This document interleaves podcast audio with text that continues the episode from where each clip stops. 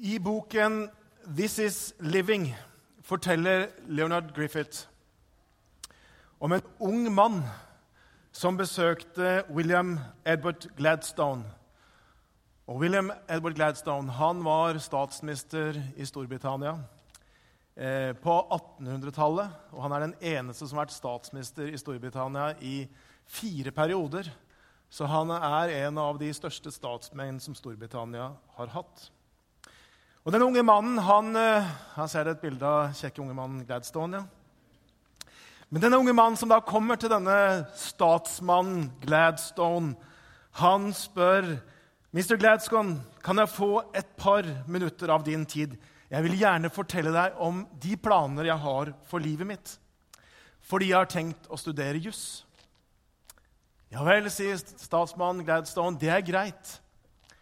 Og så sier han, og hva vil du gjøre etterpå, når du har studert juss? Da sier den unge mannen, da vil jeg arbeide i Englands rettssystem. Ok? Og etterpå det, da, sier Gladstone. Ja, etterpå så håper jeg å få en plass i parlamentet, i The House of Lords. Ja vel, sier Gladstone og utfordrer han videre.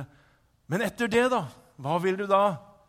Jo, da, sier den unge mannen, da vil jeg gjøre store ting for Storbritannia. Og etter det, sier Mr. Gladstone og graver videre, ja, da håper jeg å bli pensjonist og så nyte livet. Og så har ikke Gladstone tenkt å gi seg så spent. Ja, men etter det, da? Ja, Og nå begynner den unge mannen å svette. Det Møtet med Gladstone ble kanskje ikke helt som han tenkte. Og så sier han, etter det, ja, da dør jeg vel, da. Og så sier denne statsmannen han sier, og etter det, da? Og den unge mannen han vrir seg, og så sier han det har tro. Og det står i vers 21, øverst på skjermen Å leve er for meg Kristus, og dø er en vinning. Det skal vi bore litt i. Men før vi gjør det, bare la oss sette dette brevet til filipperne litt i sammenheng. Det er apostelen Paulus som skriver til menigheten i Filippi. Og Menigheten i Filippi, eller Filippi, byen Filippi ligger, eller lå i den romerske provinsen Makedonia. Og Filippi ligger i dag nordøst i Hellas, ca. tre timers kjøring fra storbyen til Salonika. Eh, det er en ruinby i dag som det går an å besøke, og de som har vært der, sier at det er, det er gripende å være der. Og Rå Elling han fortalte sist søndag fra apostelens gjerninger fra kapittel 16 om hvordan Paulus og Silas på den andre misjonsreisen kommer til Filippi. Og Som et resultat av dette besøket så blir det etablert en menighet her. Og Dette er altså den første menighet på det europeiske kontinent. Og det representerer et gjennombrudd og framgang for evangeliet, som da bryter seg vei inn til Europa, til vårt kontinent. Og Så går det en del år, kanskje så mye som ti, og så er vi bortimot 62 år, 62 etter Kristi fødsel. Og så sitter Paulus fange i fengsel, kanskje i Rom, og så skriver han dette brevet her til menigheten i Filippi. Han er fange, og i brevet så står det at han sitter i borgen. Han forteller at han sitter lenket. Og Samtidig så forstår vi at han har en mulighet til både å ta imot besøk, det er noen som besøker han, og han har mulighet til å skrive brev, slik som dette brevet er et eksempel på. Han har god tid mens han sitter til å reflektere over liv, over død, hva meningen med livet er, og hva som kommer etterpå. Og det er noe av det han reflekterer også i vår tekst. Filipperbrevet er et av de aller mest personlige brevene. Eh, og Det er et veldig spesielt brev. Det er et sterkt brev å lese. Og Paulus skriver om denne inderlige kjærligheten han har til menigheten i Filippi. Og vi på en måte ser hvordan det skinner igjennom den der, eh, bare utrolige kjærligheten han har til denne menigheten, som har stått med han gjennom tykt og tynt. I vers, kapittel 1, vers 3-4 så står det Jeg takker alltid min Gud når jeg tenker på dere, og alltid i mine bønner eh, gjør jeg det med glede. Og så står det derfor, i kapittel 4, derfor, mine søsken, som jeg elsker og lengter etter, min glede og min seierskrans, står fast i Herren, mine kjære. Så vi merker denne varmen. Eh, de der inderlige kjærligheten han har til menigheten. Og i dette brevet, i kapittel 1 her, så møter vi altså den setningen som henter temaet for, for dagens tale fra. Å leve er for meg Kristus, og dø er en vinning. Å leve er for meg Kristus, og dø er en vinning. Så vet jeg ikke hvordan det er med dere, men jeg må si at for meg så kjenner jeg at den setningen utfordrer meg noe voldsomt. Den utfordrer meg så innmari. For med all min bibelske og teologiske kunnskap så skjønner jeg at det er sant, det som teologen og forkynneren Martin Lloyd Jones sier når han sier følgende Denne setningen ikke bare eh, beskriver apostlenes personlige erfaringer, men er en standard som utfordrer hver eneste kristen, og som er den tøffeste testen på vår tro vi noen gang møter. Hver eneste som ønsker å tro på Jesus, må kjempe med dette spørsmålet. Kan jeg ærlig si å leve er for meg Kristus, og dø er en vinning? Dette verset her utfordrer meg. Og jeg har, visst jeg skulle preke den prekena her hele sommer Jeg har tenkt på det verset nesten hver dag hele sommerferien. For det utfordrer meg fordi det er så mye i meg sjøl som ønsker å sette meg i førersetet og først og fremst ha fokus på hva jeg vil, hva som er bra for meg, hvordan jeg kan få status, hvordan jeg kan oppleve nytelse, hvordan jeg kan ha det bra, hvordan jeg kan ha kontroll. Det er så mye i meg som på en måte ønsker det. Og så utfordrer dette verset meg noe veldig. Og så har jeg bestemt meg i hvert fall for én ting, og det er at jeg skal la meg utfordre av det verset. Jeg skal la meg utfordre, jeg skal ikke på en måte ta vekk den spenningen eller på en måte koble ut den utfordringen ved å si at dette er så svært. Jeg orker ikke å forholde meg til det. For sånn kan vi koble oss ut og koble oss fra. Jeg skal ikke si at dette var noe som jeg på en måte hadde hørt ungdommen til. Nå er jeg snart 50 neste år. Nå ser jeg videre eller jeg breiere eller jeg er blitt rundere i kantene. på en måte.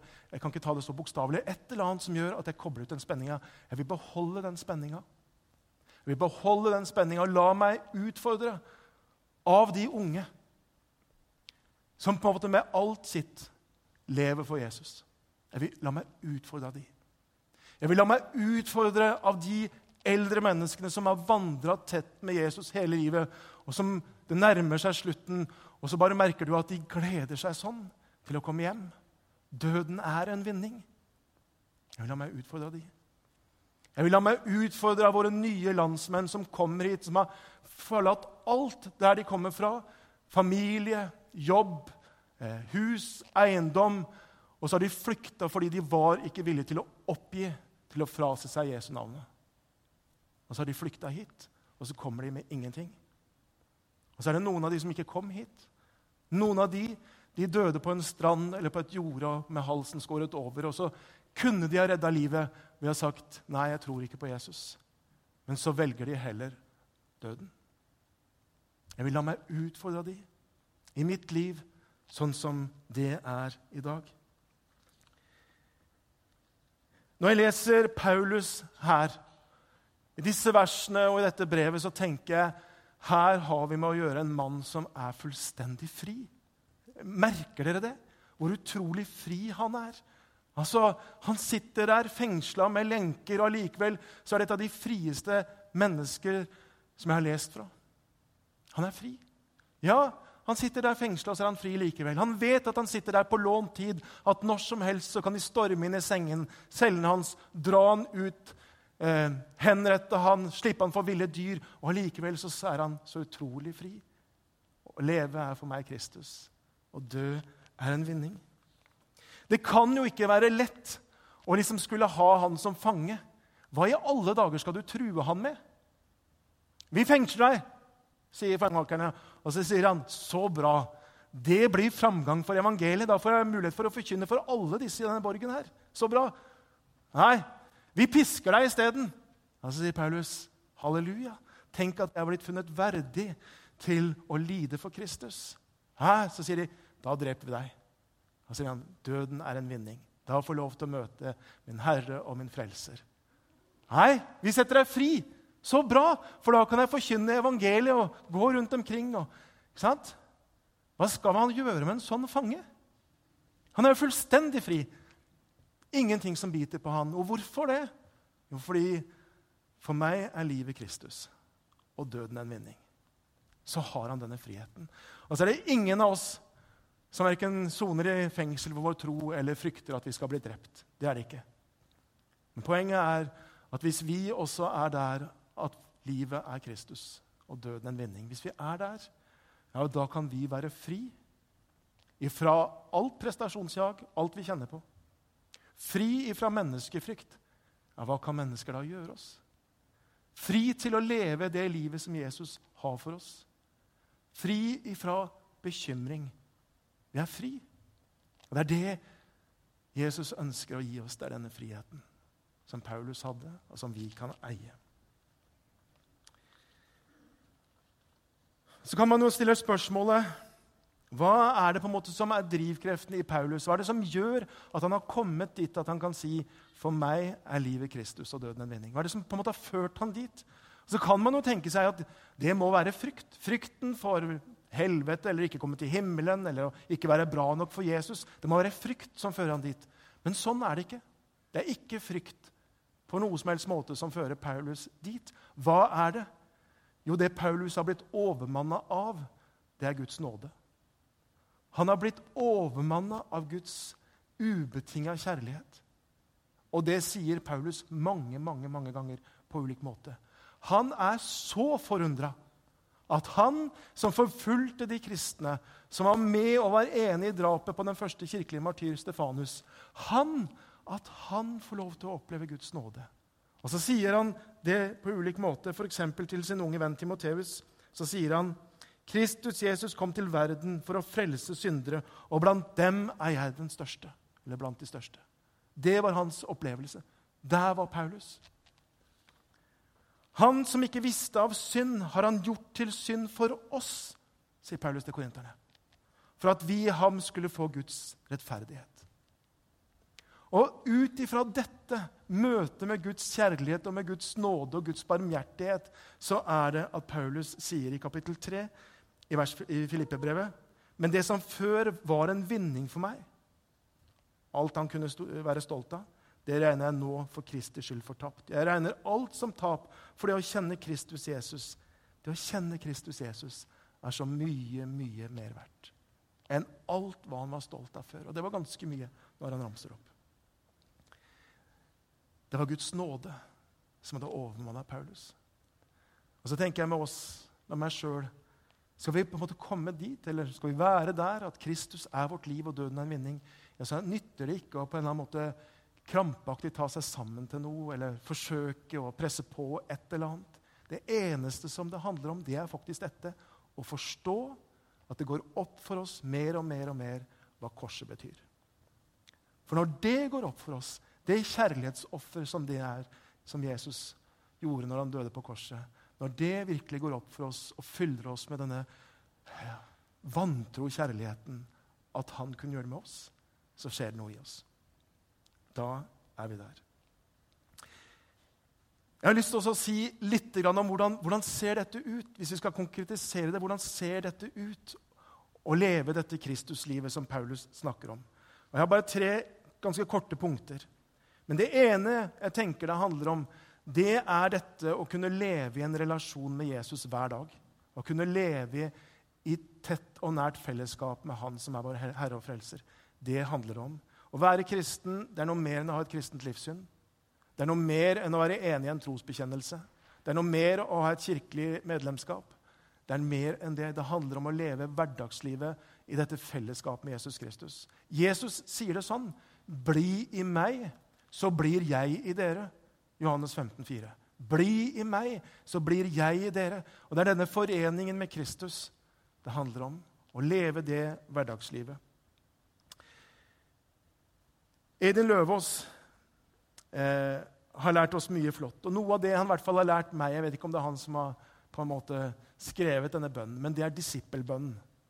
Eh, denne disippelbønnen eh, forteller nettopp om dette foreningen med Kristus og det livet. Eh, og den lyder slik.: Herre Jesus Kristus, du står her foran meg. Du er også bak meg. Du er på min høyre side. Du er på min venstre side. Du er over meg. Du er under meg. Du omgir meg på alle sider. Du bor i mitt hjerte. Du gjennomtrenger meg helt, og du elsker meg, Herre Jesus. Denne bønnen beskriver akkurat denne foreningen med Kristus. Han er overalt rundt oss. Han er i oss. Han gjennomtrenger oss. Og den bevisstheten kan vi få lov til å ha hver eneste dag.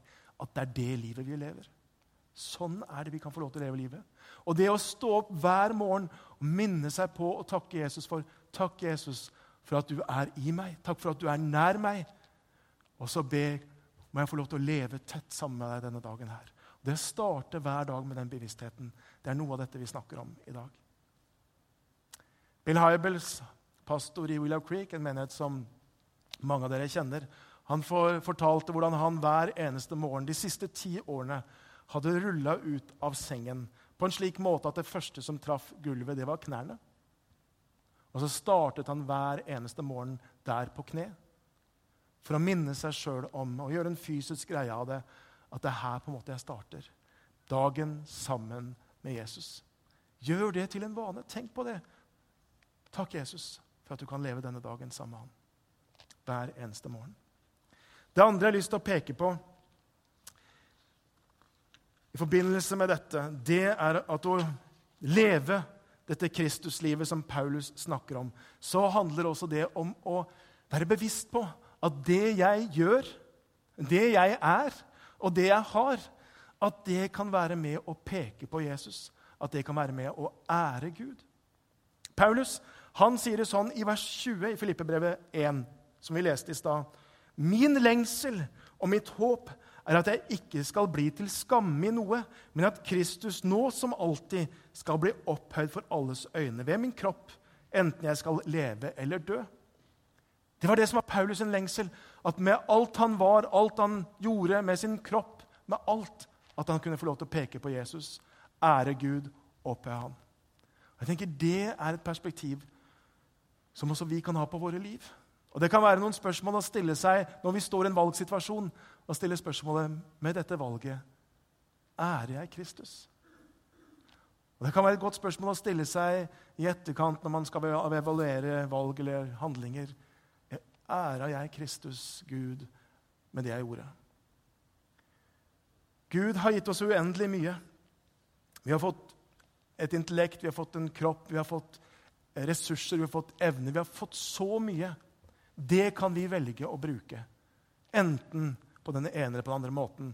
Så vet jeg Det er noen sånne dypgående filosofiske diskusjoner om mennesket er fri. i det hele tatt. Men jeg mener sånn, i det hverdagslige så er det jo sånn at jeg kan velge om jeg skal bruke hånden min til å hjelpe et menneske eller å slå noen. Jeg kan velge hvordan jeg bruker munnen min til å oppmuntre enten mennesker eller å lovsynge Gud, eller på å kjefte ut noen og trykke noen ned. Jeg kan velge. Så hva, hvordan bruker vi det som Gud har gitt oss? La oss bruke det til Guds ære. Det tredje jeg har lyst til å si om dette, så handler det om å leve dette Kristuslivet. Det handler om å la noe av egoismen og selviskheten dø og bruke livet sitt i tjeneste for andre. Paulus han sier det i Filippe-brevet slik, i kapittel 2 og vers 5, hvor det står La det samme sinnelag være i dere som var i Kristus Jesus, sier han. Og så fortsetter han å fortelle om hvordan Jesus ble en tjener, døde på korset for vår skyld. La det samme sinnelag være dere som i Kristus Jesus. Og I verset før så sier han, 'Tenk ikke bare på deres eget beste, men også på de andres'. Det er sånn at all ondskap, all urettferdighet, alt brutalitet som finnes i denne verden Hvis du på en måte graver i det Det kan ha ulike figurer, ulikt, på en måte se ulikt ut. Det kan være på eh, storpolitisk område, mellom riker, mellom stater og land eller i familier. Men alt på en måte som handler om dette, hvor mennesker blir skadelidende, hva er det vi finner hvis vi graver i det? Og vi finner egoisme, selviskhet. Det er det det handler om på et eller annet vis. Nesten all synd kan føres tilbake til denne på en måte, grunndriften i oss. At vi vil på en måte karre til oss sjøl, vi vil ha mer sjøl, vi vil ha større posisjon sjøl, eller hva det nå enn er. Og Bibelen utfordrer oss til å la det dø, og isteden ha Kristi sinnelag, ta på oss en tjenerskikkelse, og så snu det og tenke hvordan kan jeg være med og gjøre denne dagen litt bedre for et menneske? Hvordan kan jeg være med og betjene noen andre? Hvordan kan jeg gi et glass vann til en som tørster? Hvordan kan jeg besøke en som sitter i fengsel? Hvordan kan jeg gi mat der? Hvordan kan jeg være med? Noen av dere vet at vi besøkte noen av oss i menigheten eh, Willow Creek i forbindelse med Global Leadership Summit, GLS, som vi skal ha her i november. Og Noe av det som griper meg når jeg er i denne menigheten, det er alle de frivillige som har et merke her hvor det står 'Here to serve'. De er her for å tjene. Og så vet jeg at de har tatt fri fra jobben for å være der. Og så er det eneste fokuset de har, hvordan kan vi tjene de som kommer inn i vår kirke på denne konferansen? Eh, og så griper det meg hvor på en måte villig, hvor tjenestevillig det er. Hvor lang, villig det er villig til å gå langt for å ordne ting, finne ut av ting og gjøre at vi kjenner oss velkomne. Og så tenker jeg, Det er jo ikke bare der at vi er here to serve, her for å tjene. Det gjelder jo oss alle. I nabolaget vårt, på jobben, så er vi egentlig der for å tjene. Og På den måten så kan vi leve ut dette Kristuslivet som Paulus snakker om. Å leve er for meg Kristus. Det sier Paulus. Hvis du skal være dønn ærlig, og du skal ikke si det høyt, men for deg sjøl Hva er det du ville fylt ut den tomrommet der? Å leve er for meg Hva da? Det er et ransakende spørsmål. Hva står det på den linja i mitt liv? Å leve er for meg Hva da? Jeg tenker Målet med det vi ønsker i denne menigheten, det er jo at vi alle skal få lov til å kunne skrive Kristus på den linja. Det er det vi ønsker. Og hvorfor det? Jo, fordi vi vet at det er det beste livet som det går an å leve. Da settes man i frihet, sånn som har snakka om i dag med Paulus. Og ikke bare det. Det gir oss et grunnlag for den gleden som Filippe-brevet er full av. Ren og skjær glede. Ikke noe kunstig, men ren og skjær. Vi skal snakke om det litt seinere, om gleden i Herren. Det nytter ikke å forstå gleden i Herren hvis ikke vi på en måte har plassert Kristus inn der. Da vil det være alt mulig annet. Dette er en nøkkel for å ha det livet som Bibelen snakker om. Så er det én ting til, og det er at om du ikke skriver Kristus på den linja der Hvis du skriver hva som helst annet, så vil du oppleve at døden kan aldri bli en vinning. Da vil døden alltid bli tap. Hvis du skriver noe annet enn Kristus på den linja, om det er så familie eller jobb eller hva det nå er For meg er livet det. Så vil døden alltid bli et tap. Men skriver du Kristus på denne linja, da vil faktisk døden bli en vinning. For da handler det om å få lov til å se han ansikt til ansikt, møte han og leve nær han, han som vi bare har opplevd glimtvis her nede. Da kan døden bli en vinning. Dette verset har utfordra meg denne sommeren. Og jeg har hatt god tid til å tenke. Du får det litt sånn bang nå. Men det kan jo hende at du tenker, du òg. At du reflekterer og lar deg utfordre. Og så har jeg lyst til å si, om du gjør det, hvordan er veien på en måte til å liksom leve mer i det? Ja, ikke ved å ta seg sammen, men ved å ta imot hans ubetinga kjærlighet. Ved å forstå hva korset betyr, og erfare hans nåde i ditt liv. For da vil dette vokse fram. Så det er min bønn for oss, for meg, at vi faktisk skal få et større perspektiv av Jesus gjorde når han døde på korset. Eh, vi sang om nåde her i stad. Ja, at vi virkelig lar det komme inn under, under huden vår. Vi skal gå mot avslutning. Eh, jeg tror vi reiser oss opp, så kan lovsangerne komme.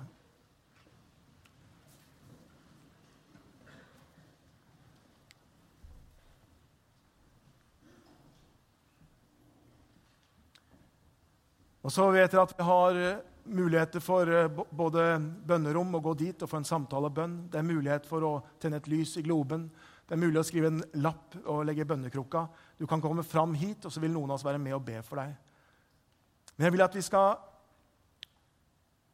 stå nå et øyeblikk, og så skal vi få lov til å være i stillhet. Og så vil jeg at du skal reflektere over det, og så skal du slippe å kjenne på fordømmelse for at eh, det er som det er med deg. For det er ingen fordømmelse for den som er i Kristus Jesus. Og Det eneste som jeg tenker vi kan få lov til å gjøre, det er å åpne opp for den nåden for den ubetinga kjærligheten som Kristus ønsker å gi oss og vise oss. Så om du kan være med på det og bare åpne opp ditt hjerte og ditt indre for Guds nåde og for Guds kjærlighet i dag.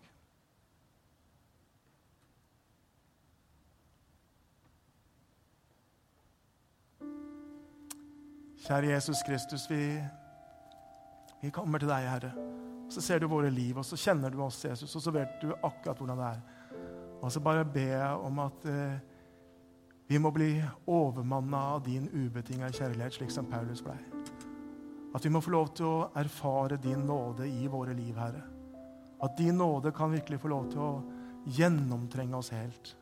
Jeg ber, Herre Jesus, at vi må mer og mer forstå hva korset betyr, Jesus. At vi mer og mer får lov til å gå opp for oss hvem vi hadde vært uten deg, Herre. Kjære Jesus, jeg ber at du må komme med din nåde, at du må fylle oss, Jesus, med din kjærlighet her vi står. Kjære Jesus. Kjære Jesus.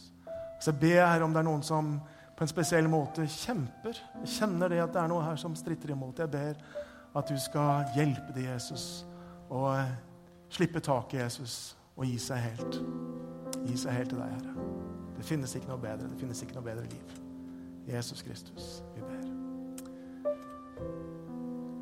Utfordringen er gitt. Du kan få lov til å komme til forbønn. Du kan bruke de ulike bønnestasjoner. Så står vi mens vi lovsynger.